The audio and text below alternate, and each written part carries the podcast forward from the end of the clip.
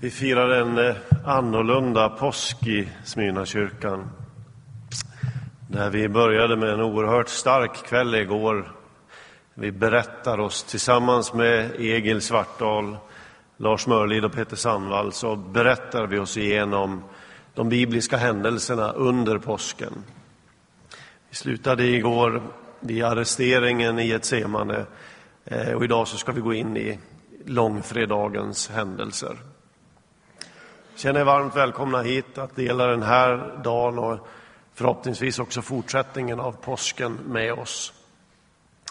Jag heter Thomas Sjödin, är en av pastorerna här. Som ni ser så är rummet lite, eh, lite sparsmakat också idag. Den enda, ut, den enda dekoration som finns är de fem röda rosorna framför oss. En, en slags bildspråk som vi idag delar med kristna över hela världen, där de fem rosorna står för de fem såren i Jesu kropp.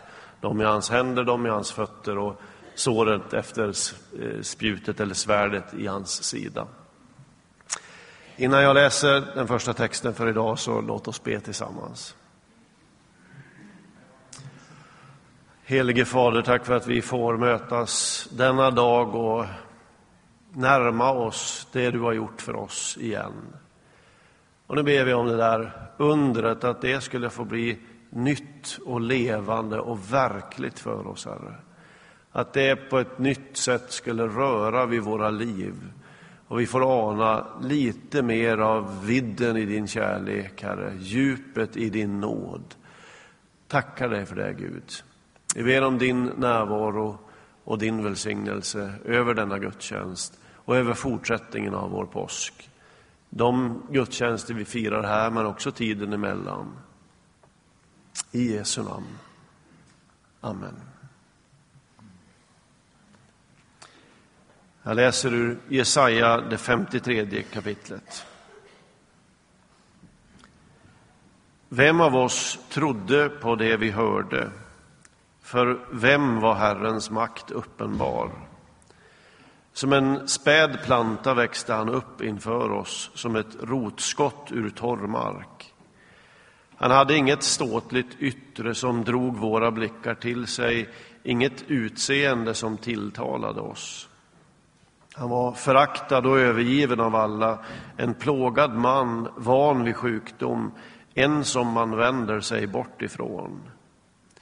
Men det var våra Eh, han var föraktad utan värde i våra ögon, men det var våra sjukdomar han bar, våra plågor han led, när vi trodde att han blev straffad, slagen av Gud, förnedrad.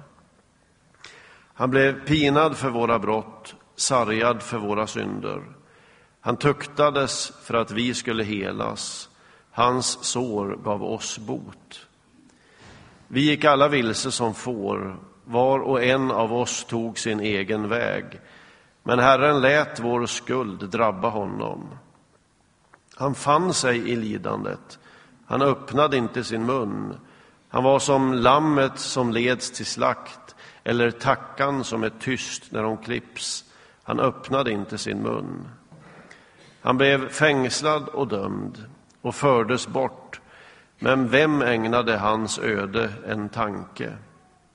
Han blev utestängd från de levandes land, straffad för sitt folks brott. Han fick sin grav bland de gudlösa, fick vila bland ogärningsmän, fastän han aldrig hade gjort något orätt, aldrig tagit en lögn i sin mun.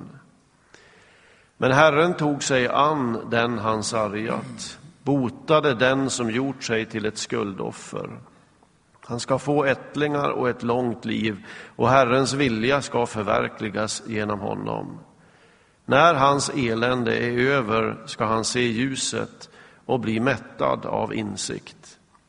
Min tjänare, den rättfärdige, ger rättfärdighet åt många och bär deras skuld. Jag ska ge honom hans andel bland de stora, låta honom dela byte med de mäktiga för att han var beredd att dö och blev räknad som syndare när han bar de mångas skuld och bad för syndarna.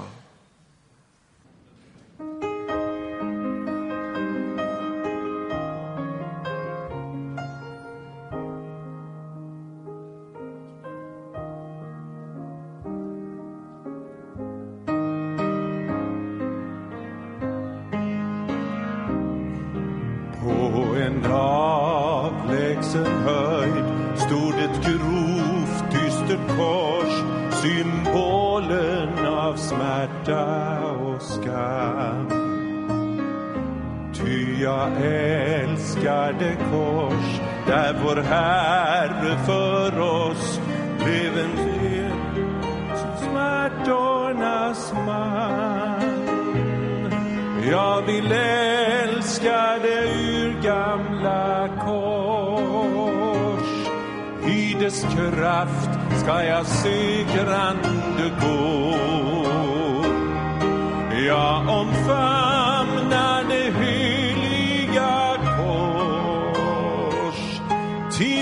jag segrarens krona ska få. Detta urgamla kors som ej världen förstått förunderligt drar mig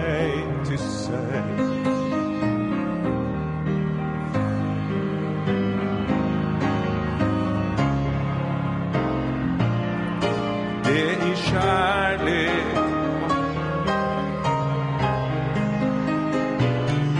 Jag vill älska det urgamla kors. I dess kraft ska jag segrande gå. Jag omfamnar det heliga kors tills jag ser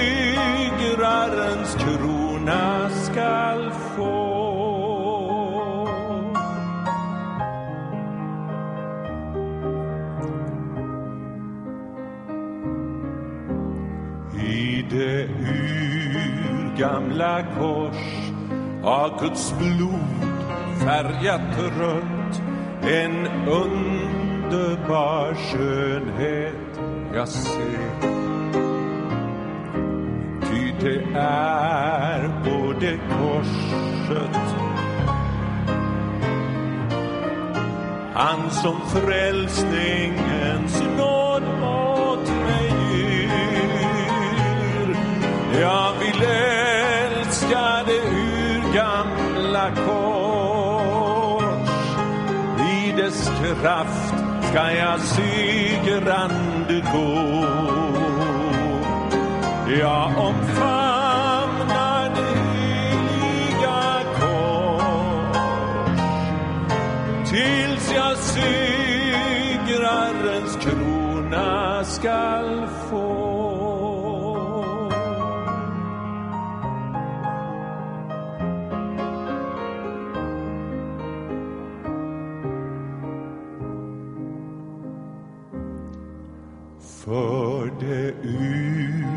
gamla kors vill jag trogen och glad fördra både hån och förakt.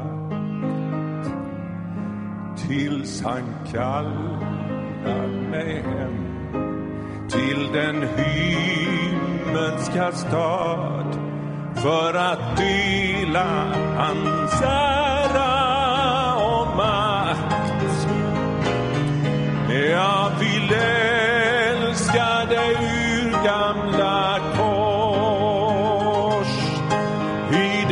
kraft ska jag segrande gå.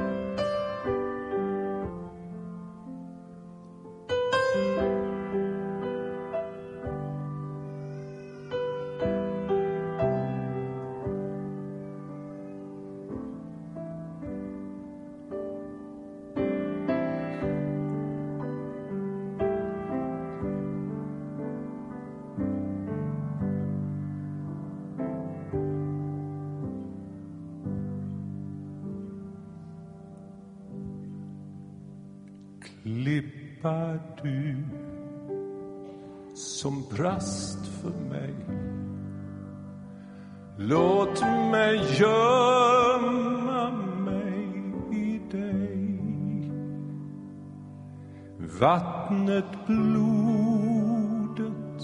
som går fram. Från ditt hjärta, och Guds lamm. Låt det bli en dubbelbok för min synd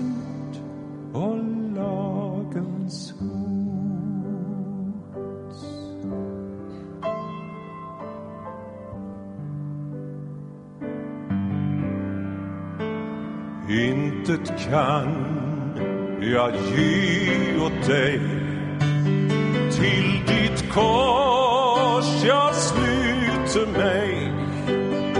Naken dig om kläder ber. Hjälplös upp till nåden ser. Jag förgås om inte du i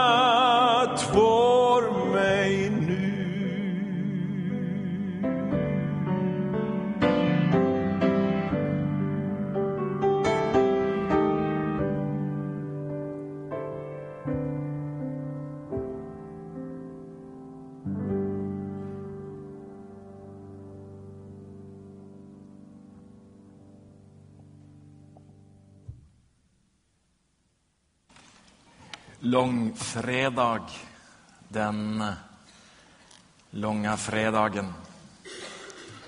Vi har eh, kanske två timmar tillsammans den här förmiddagen. Och vi ska ta hela den här berättelsen, vad som hände genom natten och genom den långa dagen. Försöka förtäta det till två timmar tillsammans. Att följa så tätt på Jesus som möjligt. Se så klart som vi kan och gå in på helig mark. Eh, att predika och berätta långfredag är det största och det svåraste jag gör. För jag vet att inga ord kan göra verkligheten större.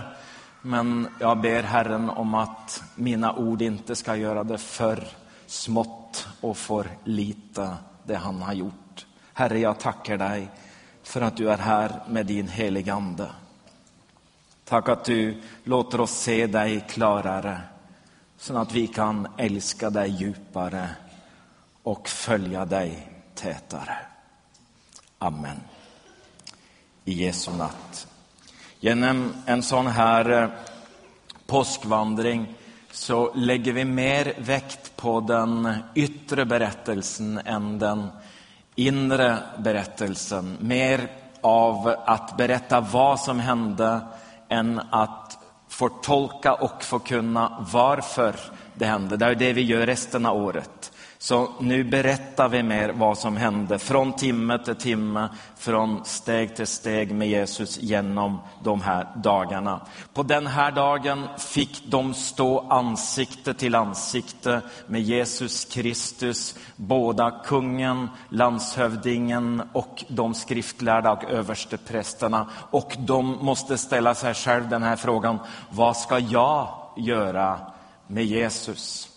Och jag tänker väl att vi som är här den här långfredagen får stå ansikte till ansikte med Jesus och ställa oss själv den frågan. Ja, men vad ska jag göra med Jesus Kristus? Vi ska följa processen mot Jesus. Det finns ju på ett sätt två rättegångar eh, i den här processen som började med att de arresterade Jesus i Getsemane trädgården midnatt, natt mellan skärtorsdagen och långfredagen.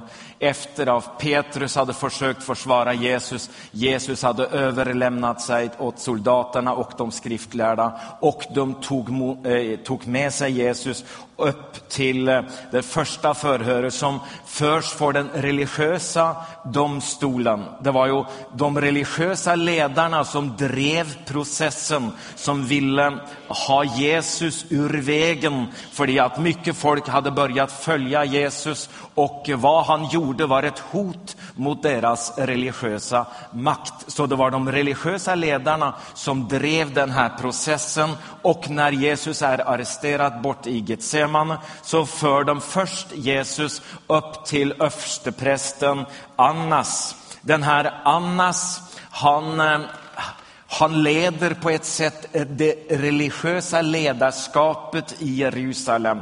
Han har fem söner och alla hans söner är överstepräster och hans svärson Kaifas han är fungerande överstepräst. Alltså, vi talar om en pater familias, en som leder hela det religiösa dynastiet i Jerusalem vid den här tiden. Eh, man skulle tro att den här Annas mycket gärna skulle ha Jesus ur vägen ehm, och att det därför är det till honom de först förer Jesus den här natten. Det var en ära som blev vist honom och eh, de visste att inte mycket kan hända i den här staden eh, och heller inte med Jesus Kristus utan att Annas, översteprästen, vill det. Den här eh, översteprästen, han har en fråga, eller två fråga, frågor i ett. Och det är, eh, översteprästen frågade Jesus om hans lärjungar och hans lära. Om hans lärjungar och hans lära. Ja, om hans lärjungar, vad skulle Jesus säga? Skulle han berätta hur Judas har gjort ett avtal och har förrått honom? Skall han berätta för översteprästen att min ledare Petrus står här ute på gården och han kommer inom kort tid att förneka att han känner mig. Vad ska Jesus berätta? Ska han berätta att Thomas kommer även inte att tro att jag har stått upp om två dagar. Vad ska han berätta? Det står bara om hans lärjungar sade han inget. Och jag tycker om det. Jag tycker om att vår Herre och Frälsare aldrig utlämnar oss till någon. Han vet vem vi är bättre än någon annan, men han vill aldrig säga någonting som utlämnar oss till någon som inte vill oss väl. Sån är Jesus. Men han frågade om hans lära och det är som om Jesus säger, har du inte hört mina predikningar på podcast eller har du inte hört mina CD-inspelningar? Alltså, jag har ju inte talat i någon sekt, i någon mörk krok. Jag har talat öppet i templet, jag har talat i synagogorna. Jag har inte lärat i det dolda. Jag har all min lära i full offentlighet. Varför frågar ni mig? Varför inte fråga dem som har hört mig? Och sen så fick han ett slag och det skulle bli fler. Men det var det första förhöret.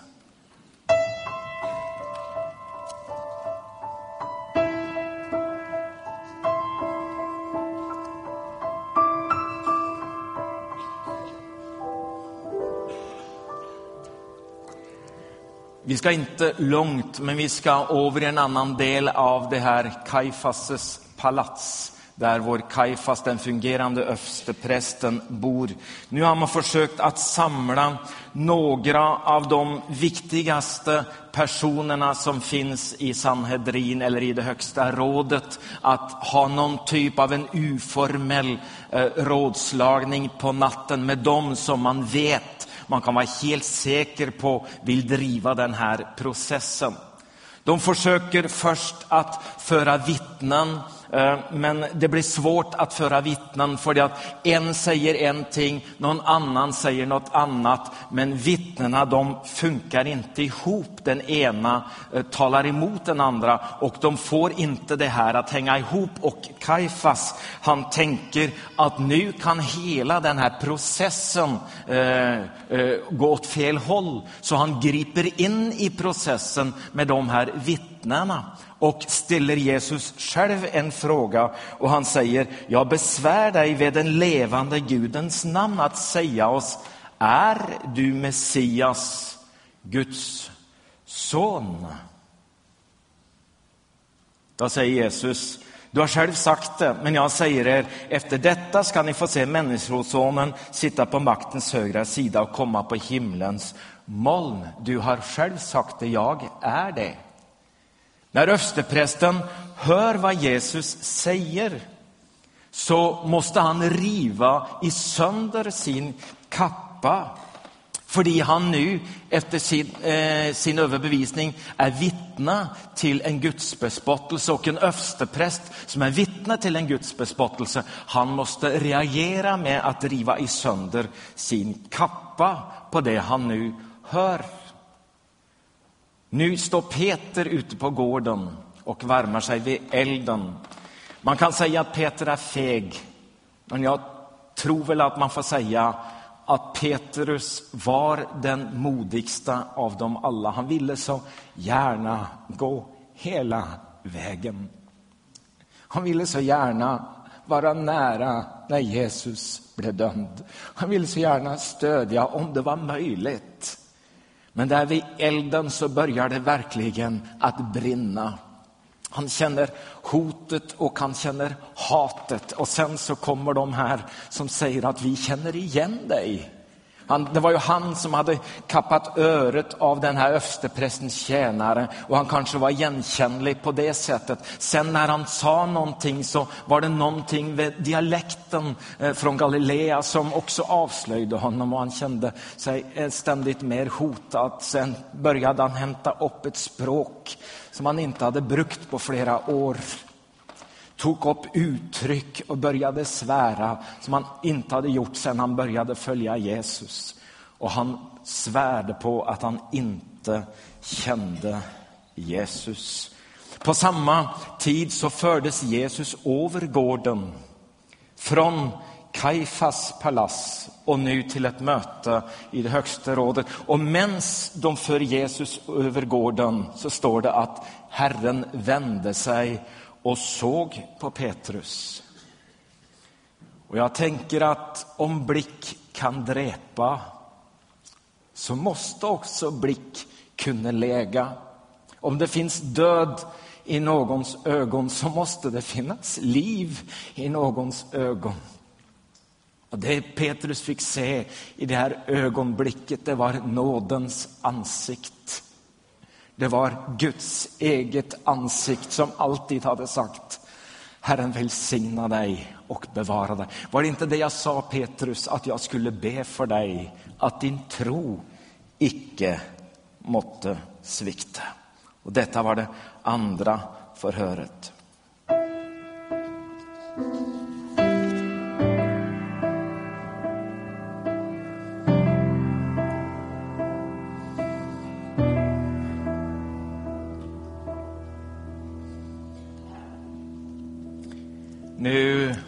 Börjar det tredje och sista förhöret i den religiösa delen av rättegången mot Jesus. Nu har man försökt samla ett formellt råd som kan göra ett formellt beslut. Sanhedrin bestod av 71 personer, eh, eh, inklusive översteprästen. Eh, det finns ett lite rättskollegium inom Sanhedrin på 21 personer och även så finns det en liten grupp på 10 personer och de här på 10 personer, de blev som oftast kallad det högsta rådet. Eh, det finns regler eh, för sådana här beslut. Man får inte börja ett högsta råd på natten.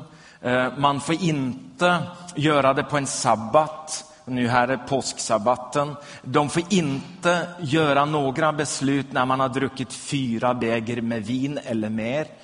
Men man måste sätta regler och lagar till sida för att bli kvitt Jesus Kristus och de gör det villig väck. Nu förhörs inga vittnen, nu försöker man inte hitta någon som kan säga någonting om Jesus, för nu har han ju redan sagt det man kan döma honom för. Man kan döma Jesus för Guds bespottelse, att han säger att han är Gud, att han är gudasonen, att han är Messias. Så de bara placerar Jesus mitt föran högsta rådet. Sen så ställer de den samma frågan och så säger de Jesus, vem är du? Är du Messias, Guds son? Och så räknar man med att Jesus ska säga samma sak. Du är alltså Guds son. Han svarade, ni själva säger att jag är det. Då sade de, behöver vi flera vittnesmål? Vi har ju hört det ur hans egen mun. Jag undrar varför inte översteprästen Kaifas, Annas, alla de andra prästerna den här dagen böjer knä, lägger ner sitt ämbete och sagt Messias, Guds son, där dig vår tjänst är en skugga av, nu är verkligheten kommit.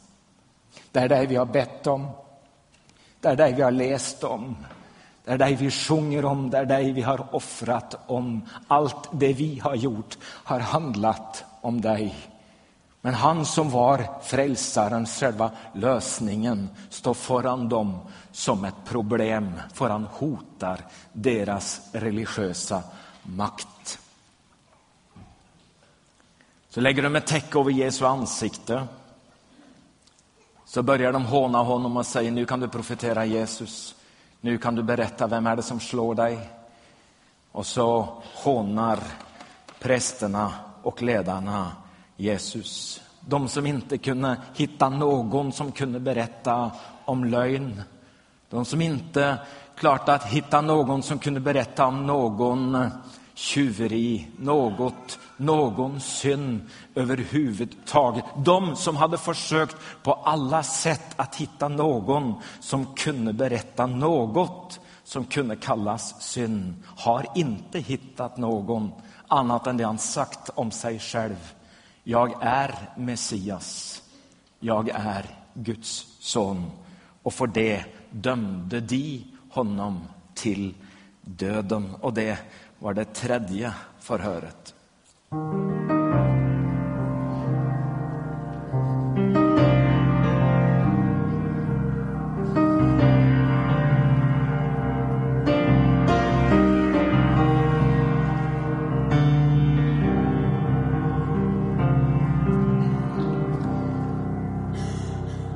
Nu kommer den andra delen av rättegången och processen mot Jesus. Nu har vi varit i den religiösa delen som drivs av de religiösa ledarna och det är ett religiöst beslut att döma Jesus till döden, att han säger att han är Guds son, att han är Gud.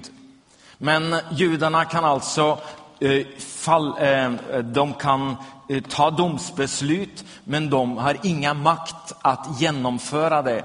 De är ju ockuperade av romarna och det måste vara någon romers eh, eh, råd och rådbeslut som faktiskt genom, bekräftar och genomför det beslutet som de har tagit. Därför måste de föra Jesus eh, från Kajfases palats och möte med det högsta rådet och upp till Pontius Pilatus, landshövdingen, som nu är i Jerusalem sedan det är eh, påsk och det är mycket folk i Jerusalem de här dagarna. Det är eh, kanske så mycket som 150 000 människor på en jätteliten plats. Och det är väldigt stor fara att det vill bli upprör på de här dagarna. Så landshövdingen Pontius Pilatus är där, det är mitt på natten.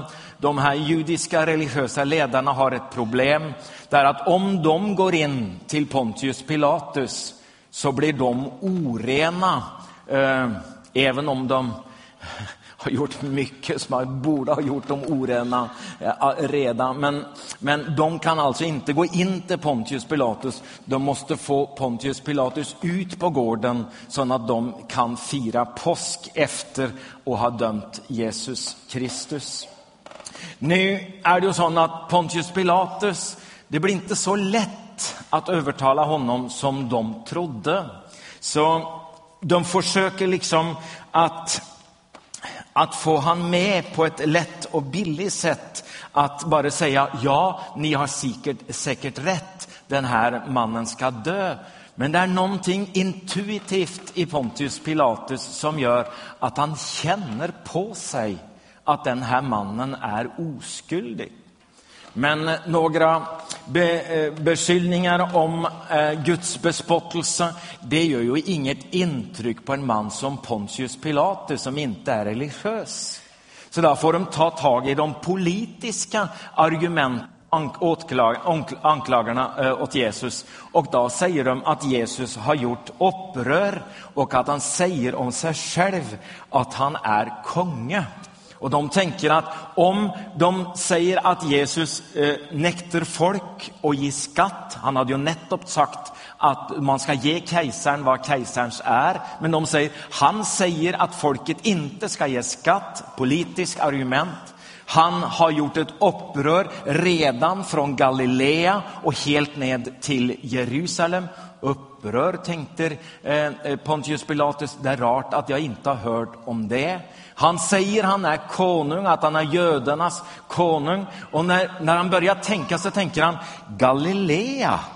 Oj, nu finns det en väg ut, en slags nödutgång, en exit av det här. För då är det ju inte mitt beslut som måste fattas. Då kan jag koppla in kung Herodes och sen så tar han det beslutet att jag vill inte döma i den här saken. Handlar det om Galilea så är det kung Herodes som får ta den saken. Och så ända det fjärde förhöret.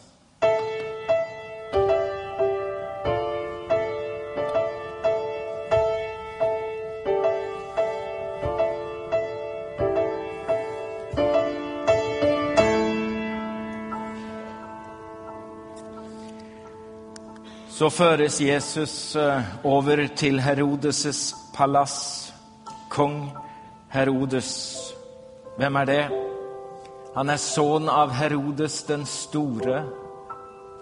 Herodes den store, det var han som beslöt, beslöt att alla guttepojk, eh, alla pojk, eh, pojkbarn skulle dö in, de som var under två år den gången Jesus blev född.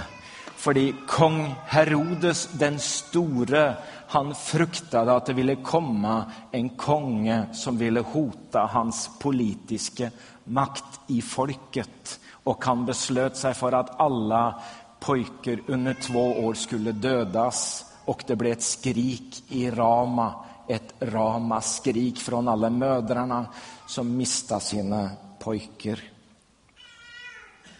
Vem är den här Herodes som Jesus nu står rätt framför ansiktet ansikte med? Det är son till den Herodes den store. Men vem är det nu han står ansiktet ansikte med? Det är Herodes Antipas. Och Herodes Antipas, det är han som beslöt att döparen Johannes, han skulle halshuggas och döparen Johannes huvud blev serverat på ett fat i en fest som de hade haft tidigare.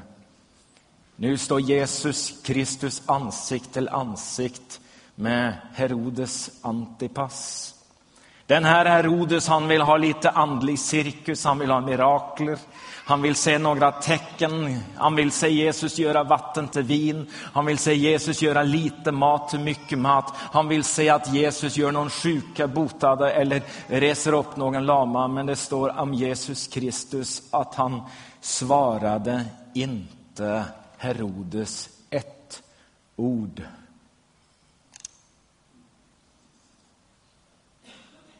Johannes döparen hade ju sagt om sig själv att jag är en röst av en som ropar. Men om man har tagit livet av rösten då hör man inte längre ordet. Och därför är Jesus taus och säger inget till kung Herodes. Det var det fjärde. Det var det femte förhöret.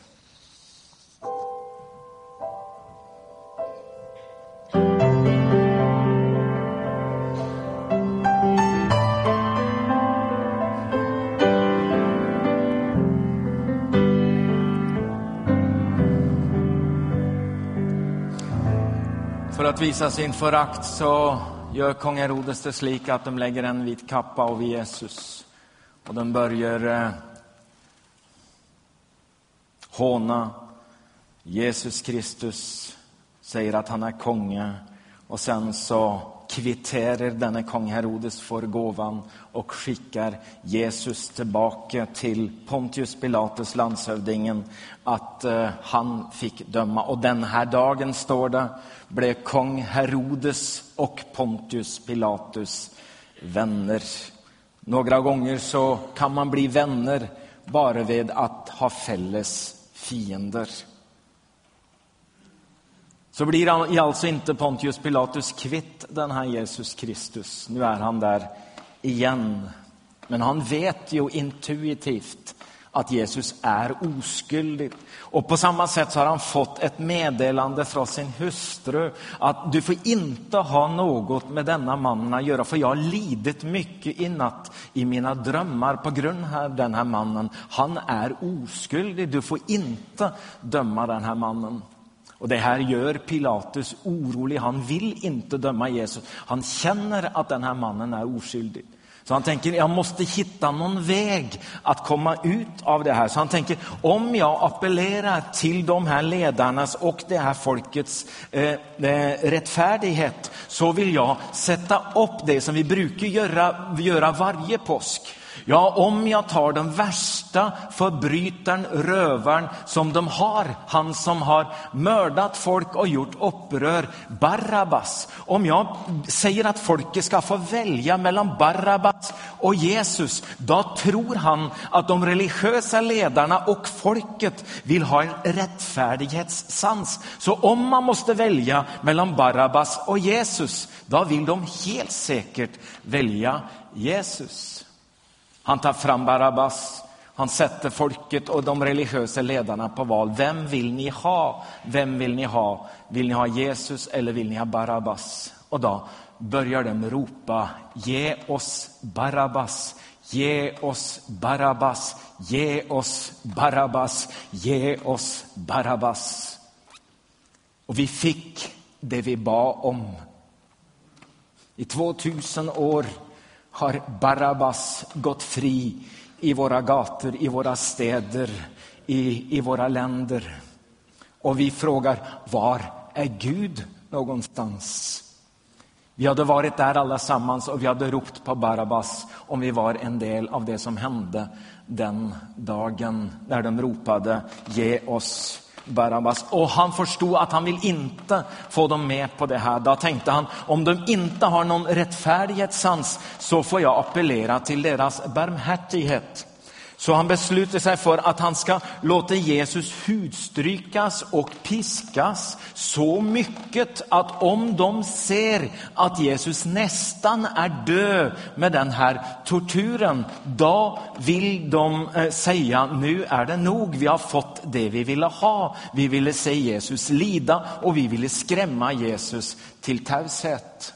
Så han ber om att Jesus ska eh, eh, hudstrykes. Eh, och Jesajas säger i kapitel 50, vers 6. Jag lät dem prygla min rygg och slita mig i skägget. Jag gömde inte ansiktet när de skymfade mig och spottade på mig. Psalm 129, 3 säger, de plöjde min rygg och drog långa fåror. Det betyder att när judarna eh, brukte pisk så fanns det en gräns för hur man kunde göra det. Man kunde bruka en enhalat pisk och göra 39 slag. Eller man kunde bruka en trehalat pisk, att piska 13 gånger. Men summan skulle vara med en enkel pisk, alltså 39 slag. Det finns en gräns. Men romerna hade ingen slika gränser. Man fick göra det man ville. Man hade pisk med med stensplintar, med bensplintar, med glassbitar i. Och man kallar det att hudstryka. När man piskade och man torturerade så kunde man lägga hela ryggen öppen och man kunde se tvärs igenom. Det är det här alltså som, som, som Jesus säger, eh, de drog långa fåror. Sen, som om det här inte var nog, så flätade de en krona de vred ihop en krans av törne och satte den på hans huvud. Vi vet ju att Gud, när Adam hade fallit i Edens hage, i trädgården, då hade Gud sagt till Adam att törn, törner och tistlar ska jorden bära. I mycket, mycket möda ska vi äta vårt bröd. Nu är det som om all den här törnen och tistlan läggs på Jesus Kristus och pressas ned på hans huvud som en törnkrona. De tog av honom kläderna och hängde på honom en röd soldatkappa och vred ihop en krans av törne och satte den på hans huvud och stack en kappa i högra handen på honom. Sedan följde ned på knä för honom och hånade honom och sade Leva judarnas konung.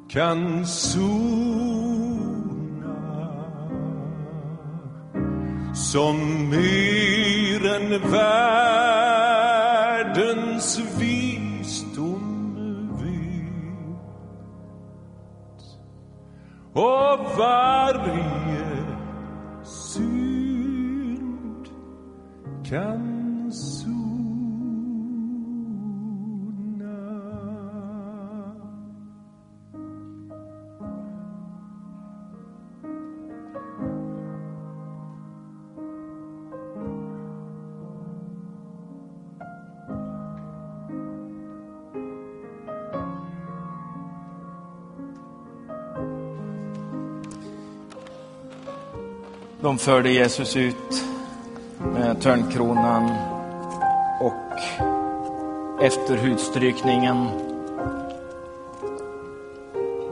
och när Pontius Pilatus ser vad de har gjort med Jesus så säger han se, se den människan. Ecco homo.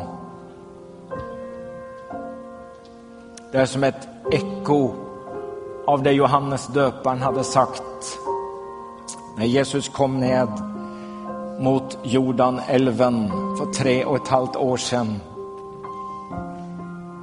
Johannes döparen sa, se där,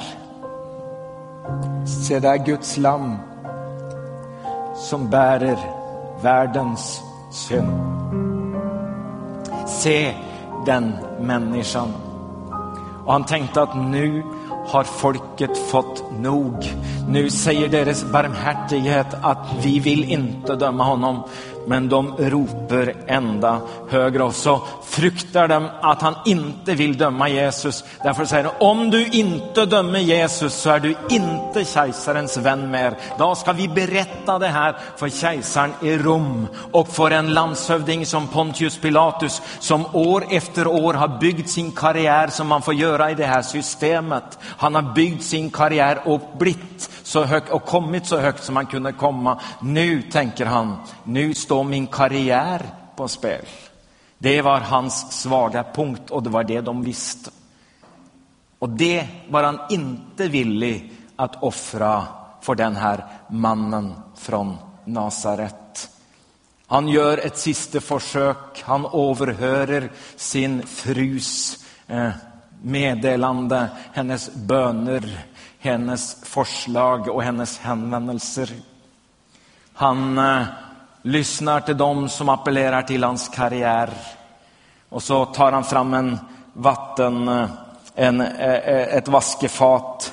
Så försöker han att tvätta sina händer och säger att ja, men då är jag oskyldig, oskyldig i den här mannens död. Men det är inte vatten som kan göras rena från våra synder. Varje söndag i alla kyrkor över hela världen så säger man i trosberättelsen att jag tror på Jesus Kristus, Guds en, enbarne son. Han som blev född av jungfru Maria. Han blev pint under Pontius Pilatus. Det finns bara ett sätt att bli kvitt sina synder. Det är att få dem rena i Jesu blod. Och det var det sista och det sjätte förhöret.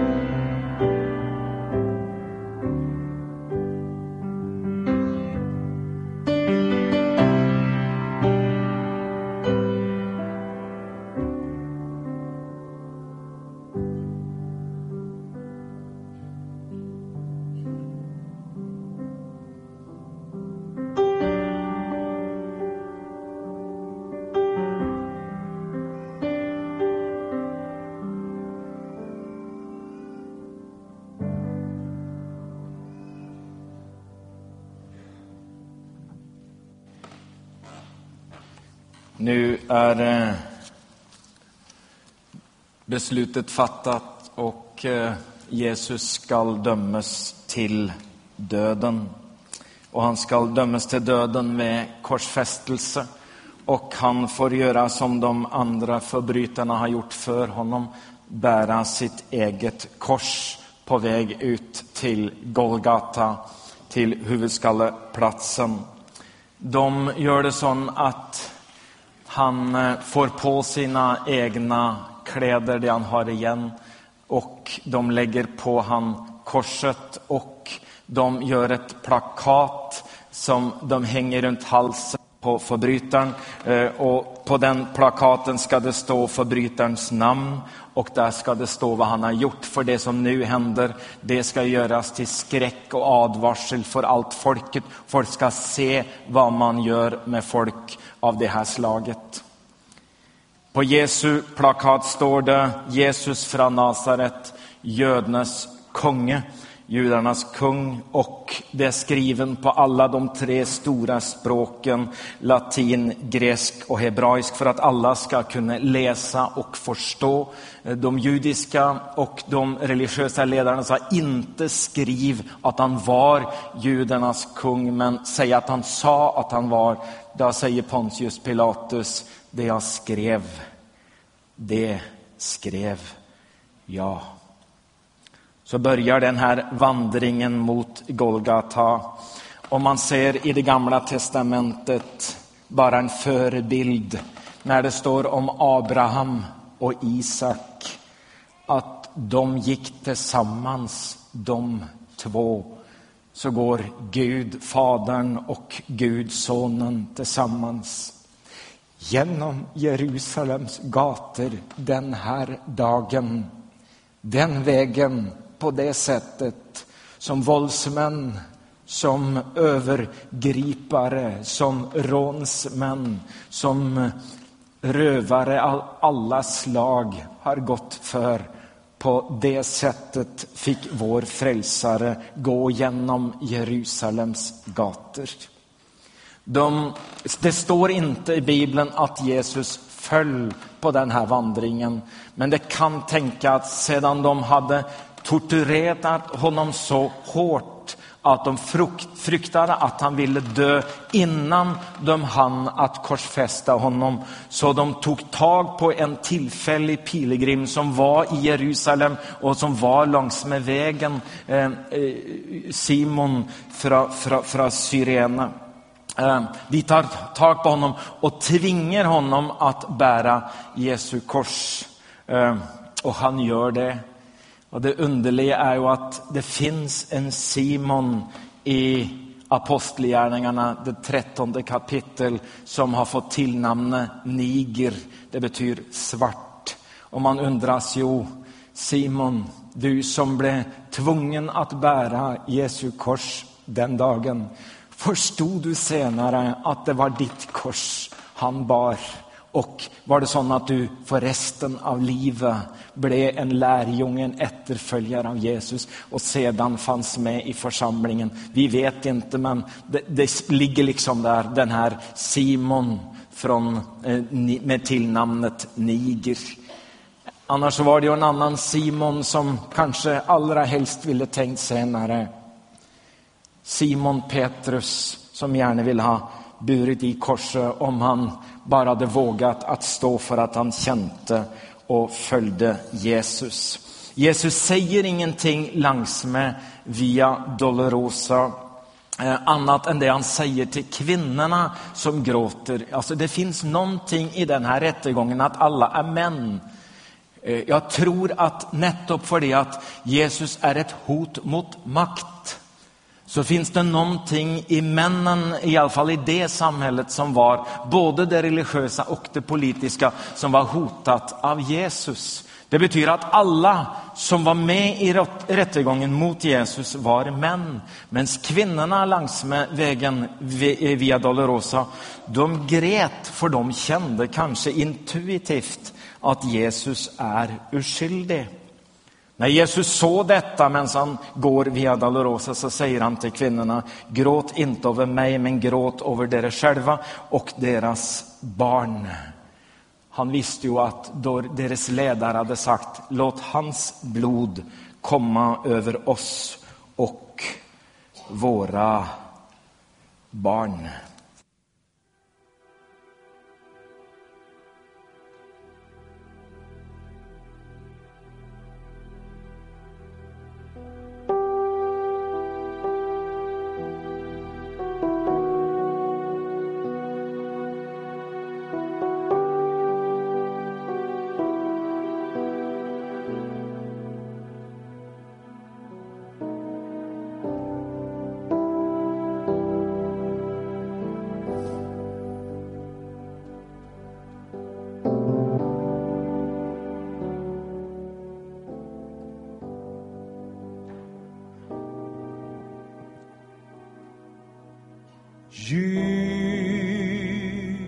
Jesus för världen. Givit sitt liv. Öppnade ögon. Herre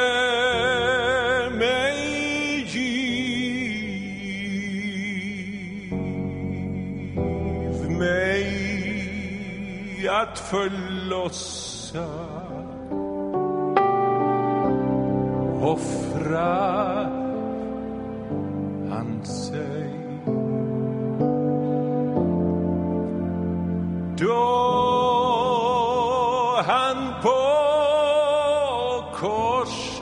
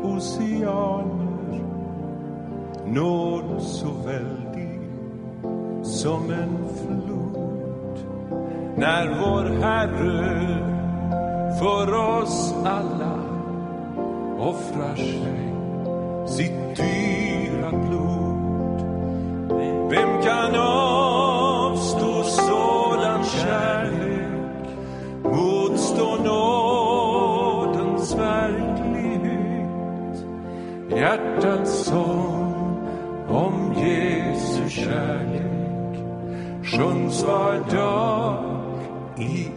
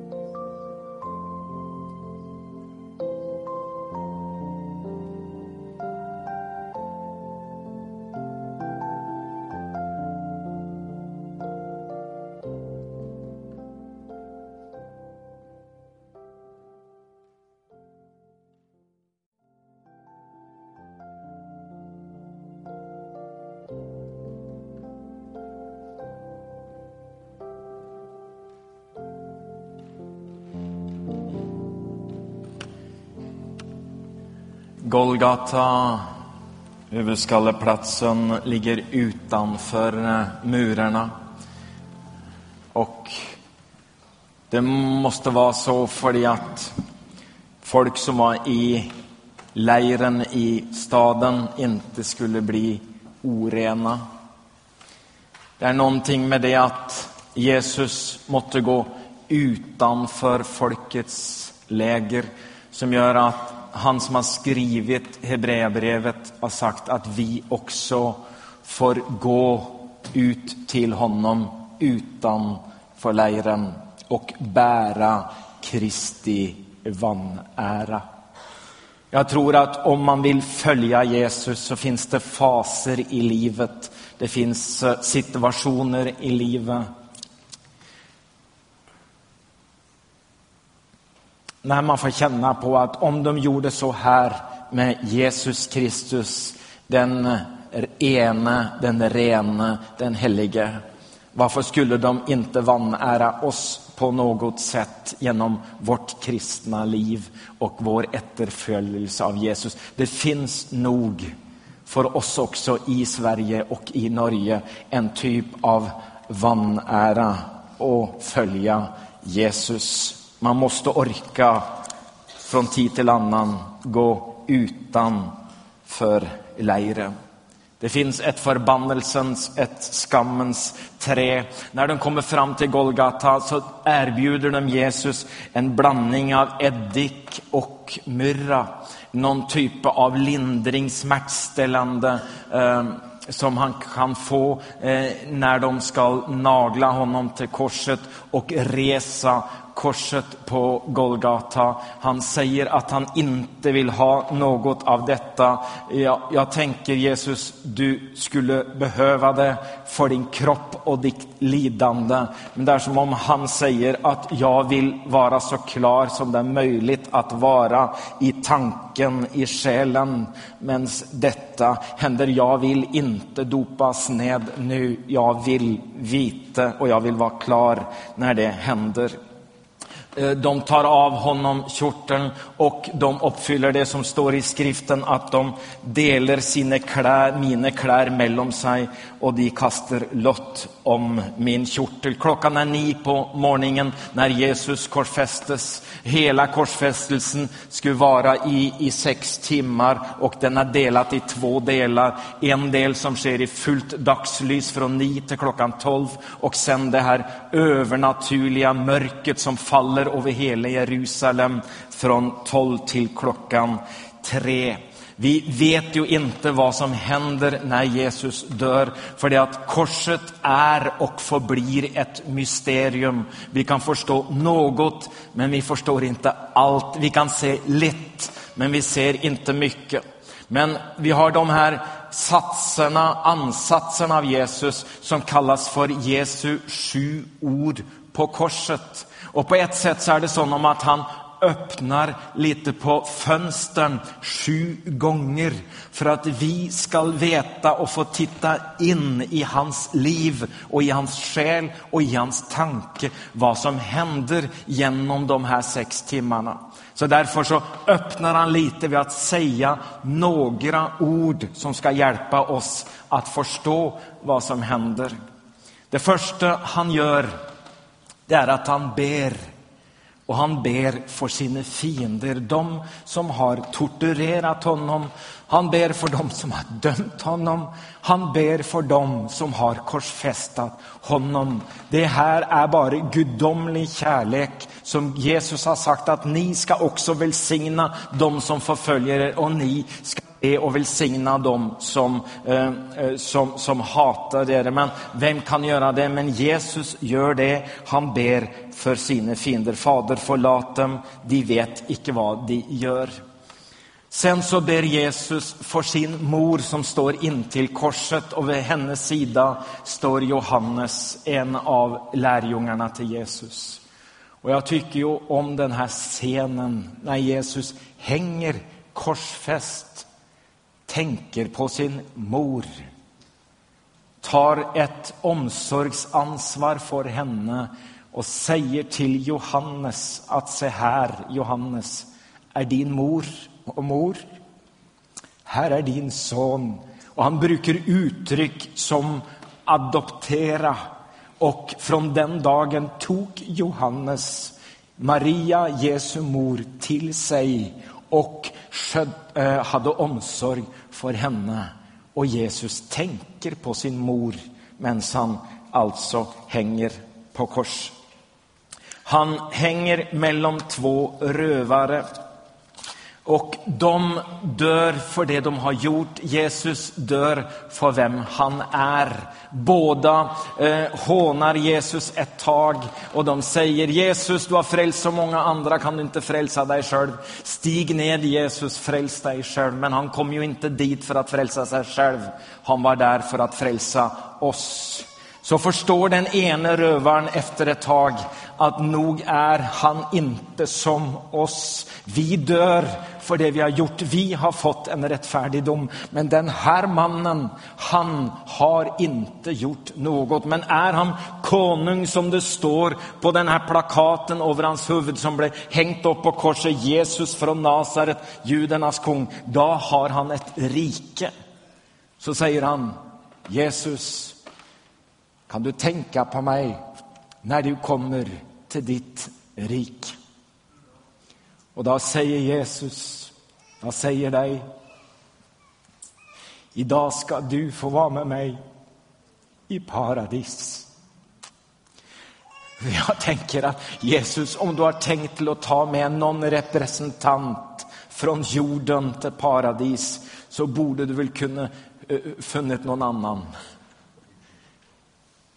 Men Jesus visste att vi är rövare, alla ihop.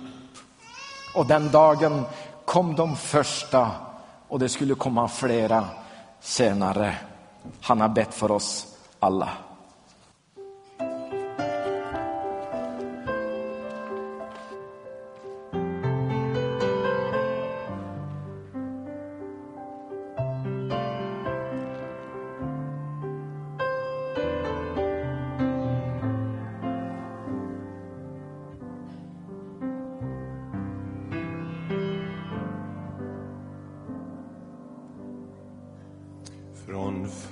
Frälsaren på korsets stam. Ljus faller på min dräkt. Då träder syndens fläckar fram och jag blir med rövarn släkt men han som var mot rövan god, han tvår mig snövit i sitt blod. Så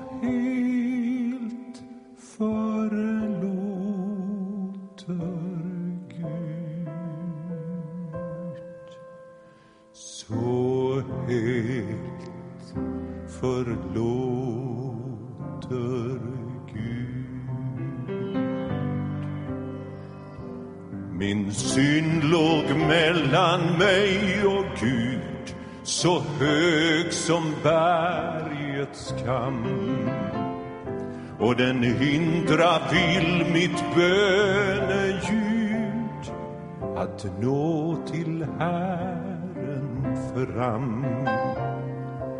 Då kastar Gud bakom sin rygg all synden min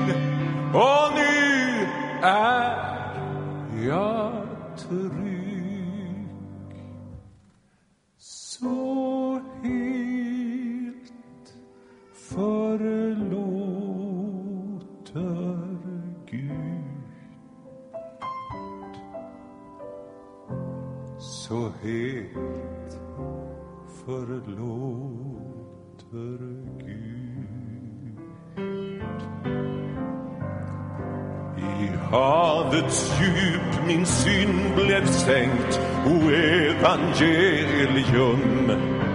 Det är som Herren hade tänkt, jag vill se ut ett rum där synd kan stängas in så väl att aldrig mer den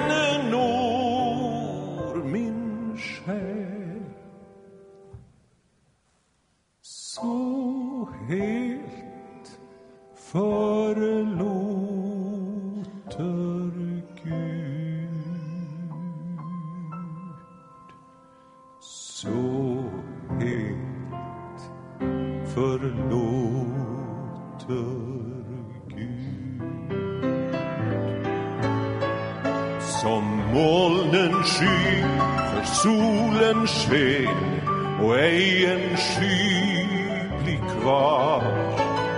Himlen strålar klar och ren där nyss blott mörker var så plånar Gud all synden ut och gör på alla, alla sorger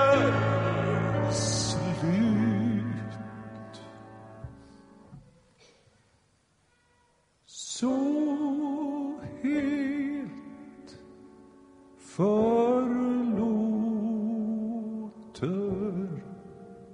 Gud.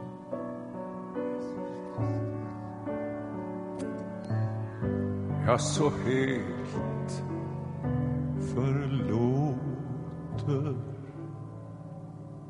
Gud.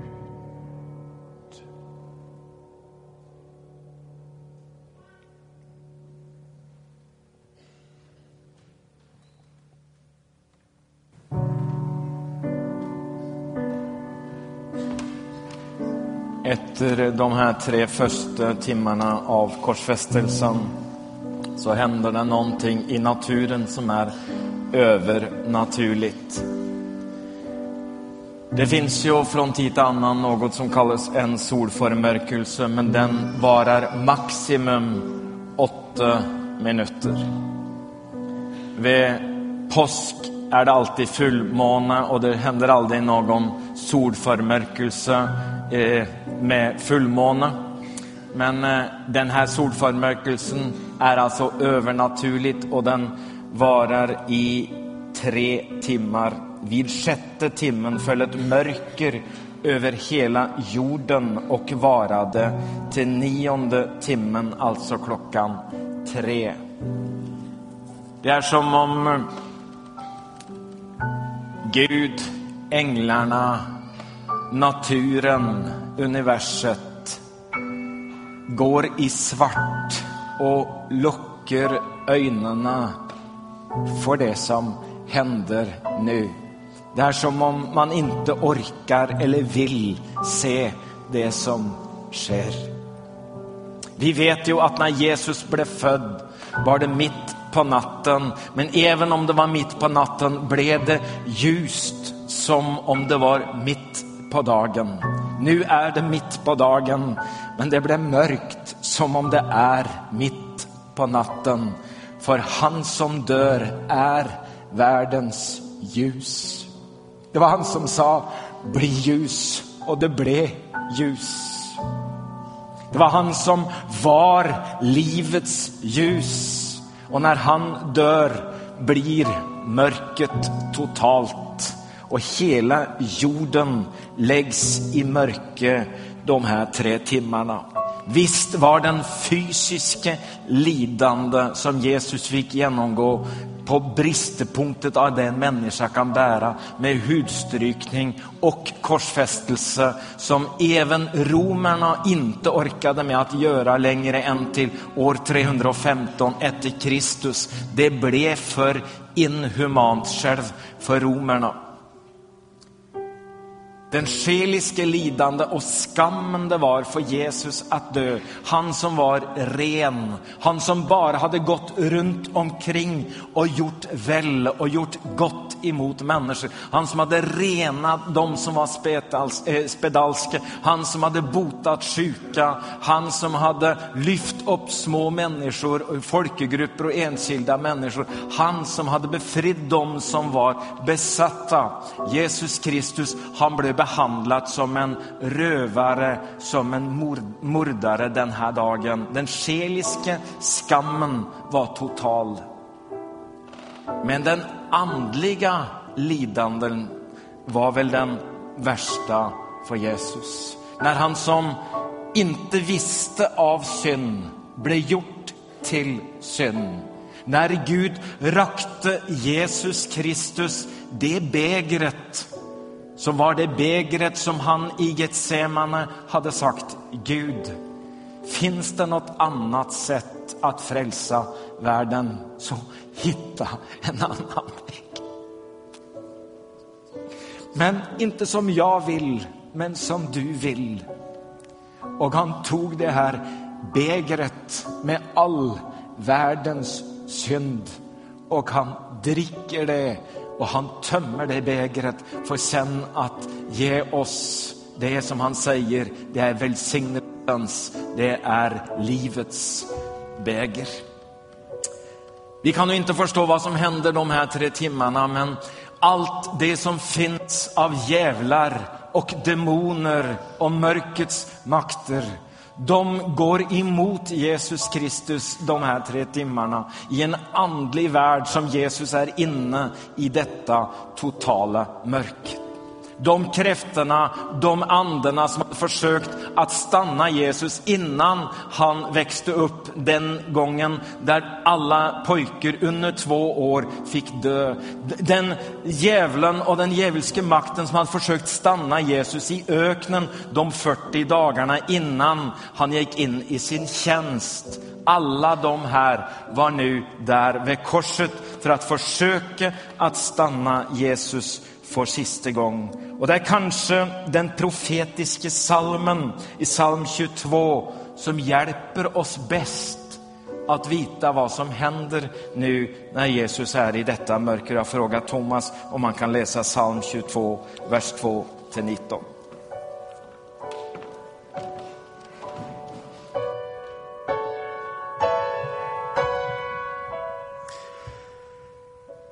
Min Gud, min Gud, varför har du övergivit mig?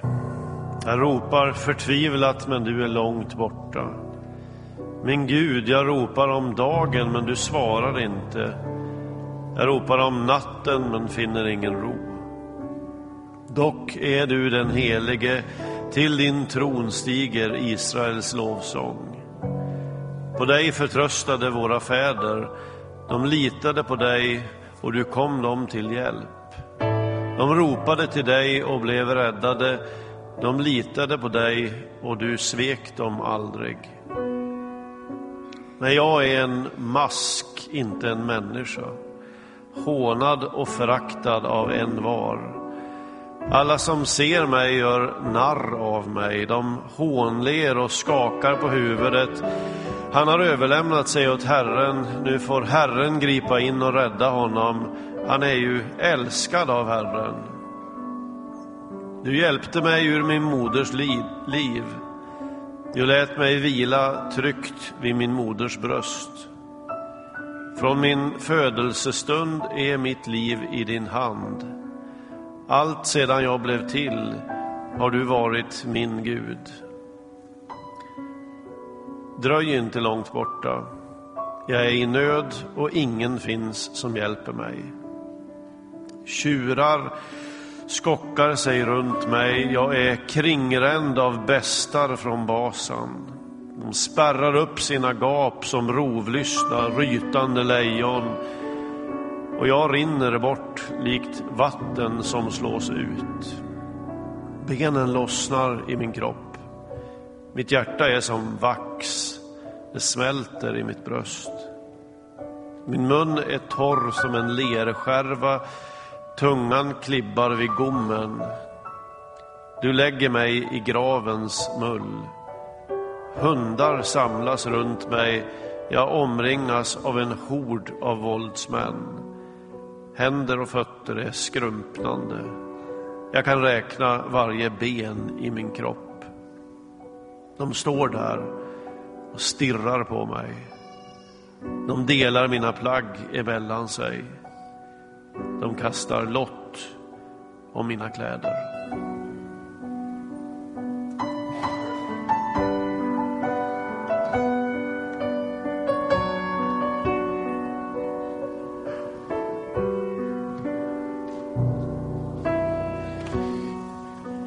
Jag tycker det är svårt att förstå vad förtapelse är.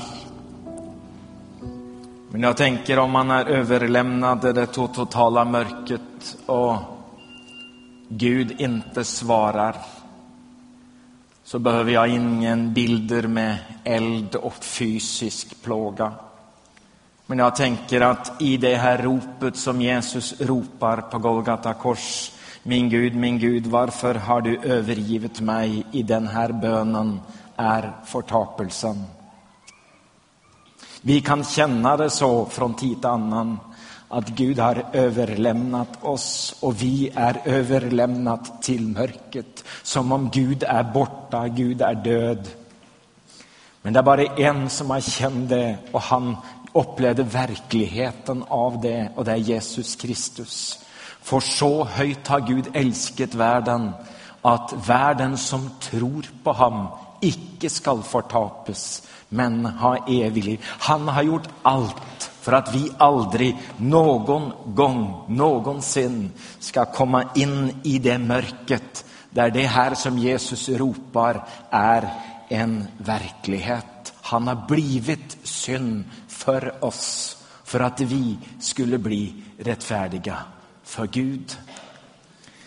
Det finns en liten bön som Jesus kommer med till dem som finns i närheten. De förstår inte vad han säger första gången. De, de, de tyckte kanske att han ropade på Elia eller någon profet. Men de förstår efter ett tag att han säger att han törstar. Men Jesus, varför skulle du ha någonting nu? Men de ger honom någonting eh, på en svamp, eh, på, på någonting som gör att han kan få vatten på sina läppar. Och jag tror väl kanske att det inte var för att lindra smärtan. Men det var för att inte någon inte skulle höra det han nå vill ropa så högt som det är möjligt att ropa det nästa. Han vet att om han inte får någonting på läpparna som gör att han kan säga det tydligt så är det inte säkert att folk förstår vad som händer nu när han ropar i nästa ögonblick. Det är fullbordat och det måtte vi få höra. Annars så visste inte vi att det är fullbordat. Det är it is finished. Det är fullfört. Allt är gjort som ska göras. Allt är betalt som ska betalas. Allt är gett som ska ges. Han har gett det fullkomna offer. Halleluja, säger jag för det. Och vad händer då? Jag vet inte om Jesus kan registrera vad som händer då. Men nere i templet så brister förhänget. Och det här förhänget som skilde mellan det heliga och det allra heligaste, det var inte ett litet täppe bara. Det var, det var 18 det var 18 meter högt, det var 9 meter brett, det var en näve tjockt Eh, Eh, det blev sagt att det måste 300 personer eller präster till för att hänga upp det här förhänget som skulle skilja mellan eh, det heliga och det allerheligste. I det täppet, i det förhänget var det, var det vävt in två keruber eh, de två keruberna som skulle minna folket om de keruberna som Gud satte vid Edens hage, vid trädgården där i början. När folket fallit i synd så skulle det stå två keruber som skulle eh, vara eh, voktare för, för Edens have, alltså skulle minna oss om vår synd. Och de här två keruberna, de mötte vi igen när vi skulle söka Gud i templet. Då mötte vi dem som sa, ni får komma hit, men ni får inte komma längre, för här finns Gud och han är helig. Men när Jesus ropar, det är fullbordat, så drar Gud den här förhänget i två år. Den revner, den brister. Från överst står till nederst och det är som om Gud själv driver de här keruberna åt sidan och säger nu är vägen öppen till Gud. Ni kan komma alla ihop, oavsett vem ni är, vad ni har gjort och vad ni har blivit. Nu är vägen till Gud öppen för förhänget brast. Halleluja! Det nästa som händer det är att jorden skakar och klipporna rämnar. Det är ju som om hela skaperverket känner vad som, häng, gör, eh, vad som sker på korset. Och det stämmer. För också skaperverken, naturen, blev inte lagt under förbannelsen, men blev lagt under förgängligheten. Det betyder att allt har ett ände. Men Bibeln slutar inte med att allt blir borta och att allt går i sönder. Men Bibeln slutar med, men jag såg en ny himmel och en ny jord. Det betyder att det finns en ny början. Naturen, kloden, kosmos skall förlossas. Halleluja! Och det är som om naturen känner detta när Jesus säger det är fullbordat. Då responderar själva jorden och, eh, och klipporna, de rämnar. Och så händer det tredje och det är att graver öppnas. Det är ju lite som om himlen säger nej, nej, nej, inte för tidigt. Det är liksom som de inte klarar att hålla tillbaka det som nu händer när Jesus säger det är fullbordat. Därför så händer det någonting på gravplatserna, att graver öppnas.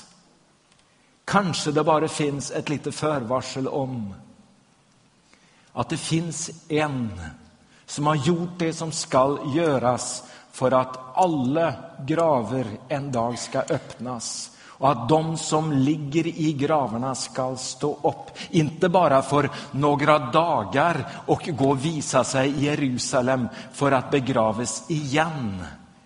Men det finns en ny morgon när Jesus ska kalla alla döda ut av sina graver och det blir ett gensyn.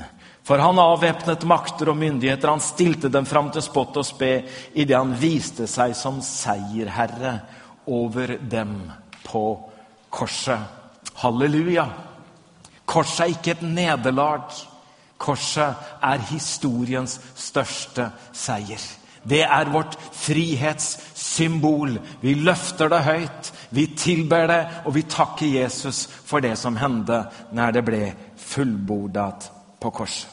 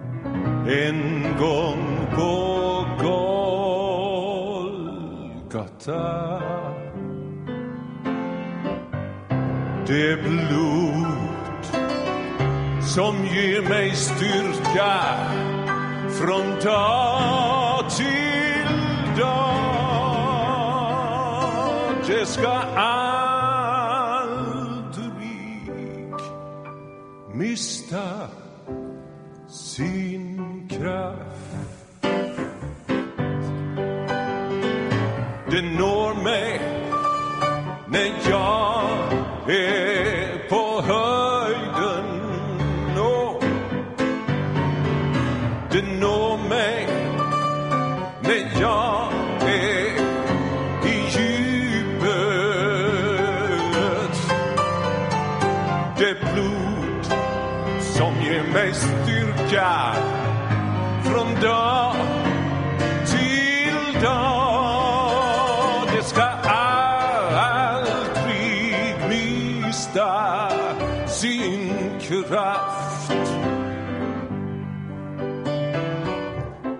Det styrker tvivlaren och det skänker, ja det skänker tro.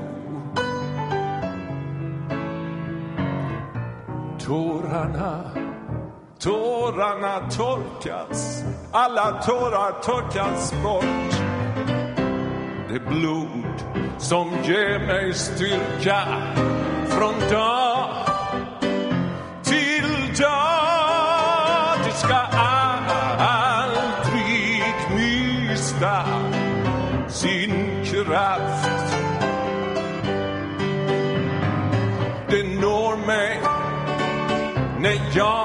är på höjden.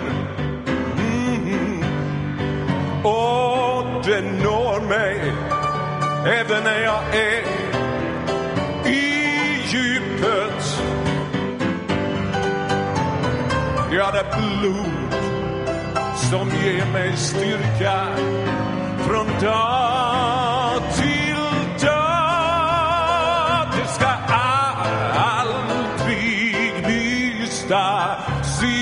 sin kraft. Och det når mig när jag är, när jag är på höjden. Men det når mig när jag är i djupet. Ja, det blod som ger mig styrka från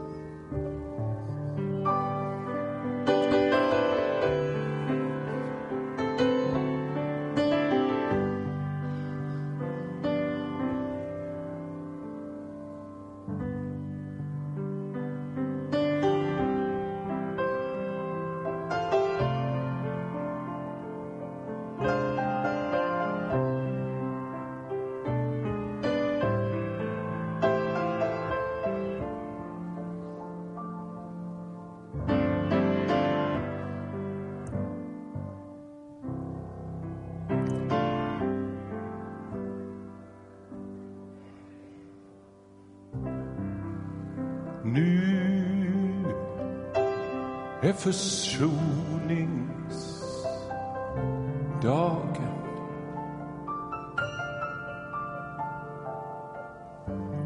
Kommen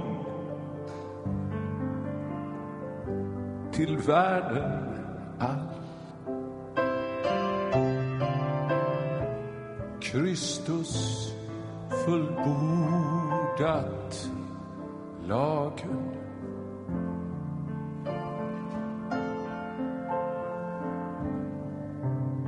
Satan har bragts på fall.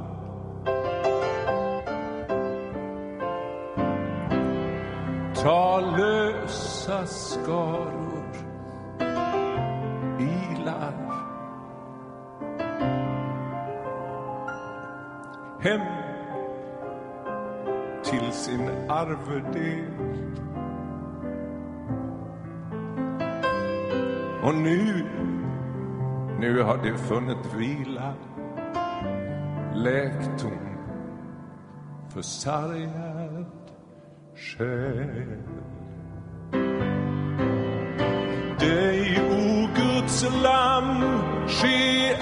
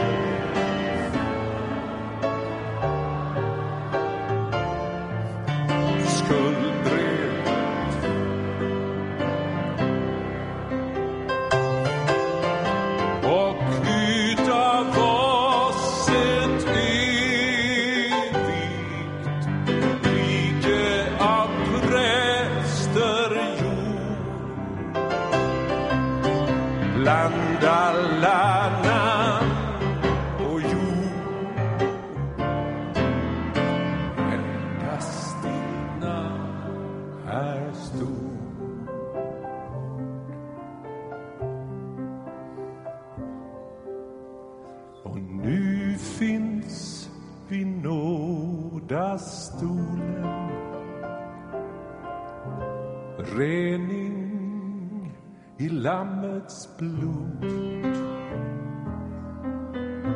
Nåd utan gräns som solen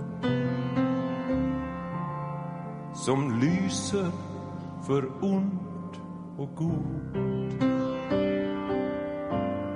Bröstsköldens ädelstenar är nu kärlekstolk och blodet till ett förenar nya förbundets folk.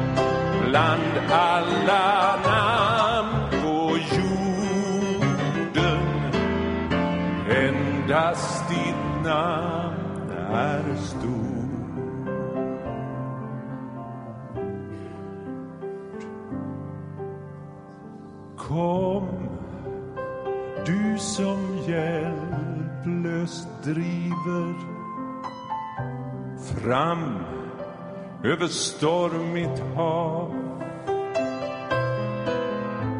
Golgata kors där giver var intet annat, intet annat gav. Tron finner ankarfäste Vila din tanke får Jesus din vän, den bäste Frälsa din själ förmår Vi står upp. Dig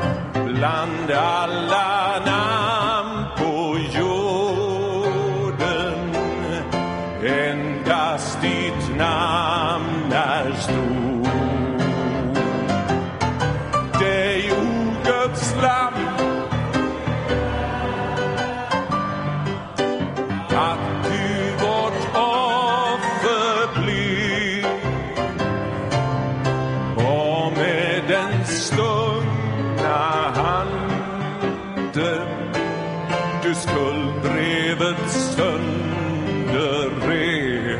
Halleluja.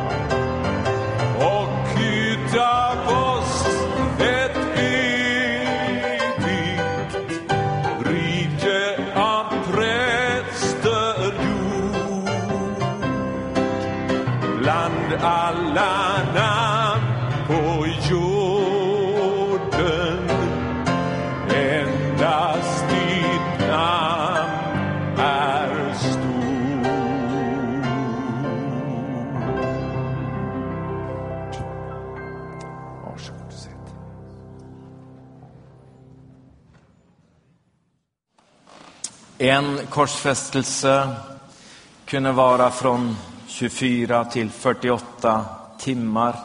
Eh, väldigt ofta så lo, eh, lät de de som hängde på korsen bli hängande eller ta dem ned och låt eh, åtselsdjur, gribbar, äta av eh, liken. Eh, nu skulle påsksabbatten inledas och de religiösa ledarna var bekymrade för att de här skulle bli hängande till över påsken. Så de måste få avsluta det här så fort som möjligt och ber Pilatus om eh, tillåtelse att göra det. Nu lyssnar det på Golgata och ljuset kommer tillbaka i det Jesus gör det sista och säger det sista han gör på korset. Och det är Fader, i dina händer lämnar jag min ande. De får tillstånd att avslutar korsfästelsen och bryter benen på de två rövarna. Och när de bryter benen på dem så sjunker de ihop och eh, eh kvävs av eh, mangel på, på luft och de, de dör ganska direkt.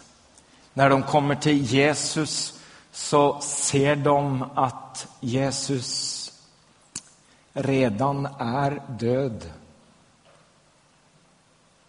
För ingen kunde ta hans liv, men han kunde ge det. Han som är själva livet. De hade väl inte läst det profeten hade sagt. att ingen ben skulle brytas på honom. Men för att vara säkra på att den var död så tar de ett spjut och sticker in det i sidan på Jesus. Inte hade väl de heller läst vad profeten hade sagt att de skulle se upp till honom som de hade genomstungit. Johannes ser av utav Jesus sida rinner det vatten och blod. Och Johannes må ha sett mer än ett fysiskt eh, tecken eller ett fysiskt eh, naturlig eh, reaktion på det som nu har hänt, att Jesu hjärta har brustit. Han må ha sett att ut av Jesus sida kommer kyrkans liv. Rening för våra synder och livets vatten som ska göra oss levande. Det är som om han ser det Adam såg när Adam sov i början i skapelsens morgon. Då tog Gud ur sidan på Adam ett ben och skapade hans hustru kvinnan. Och på samma sätt tar Gud ur sidan på Jesus Kristus livet som skulle bli Kristi brud, kyrkan, hon som nu ska födas och som ska stå upp på den första dagen, på uppståndelsesdagen. Halleluja. Det är stort att vara frälst. Amen.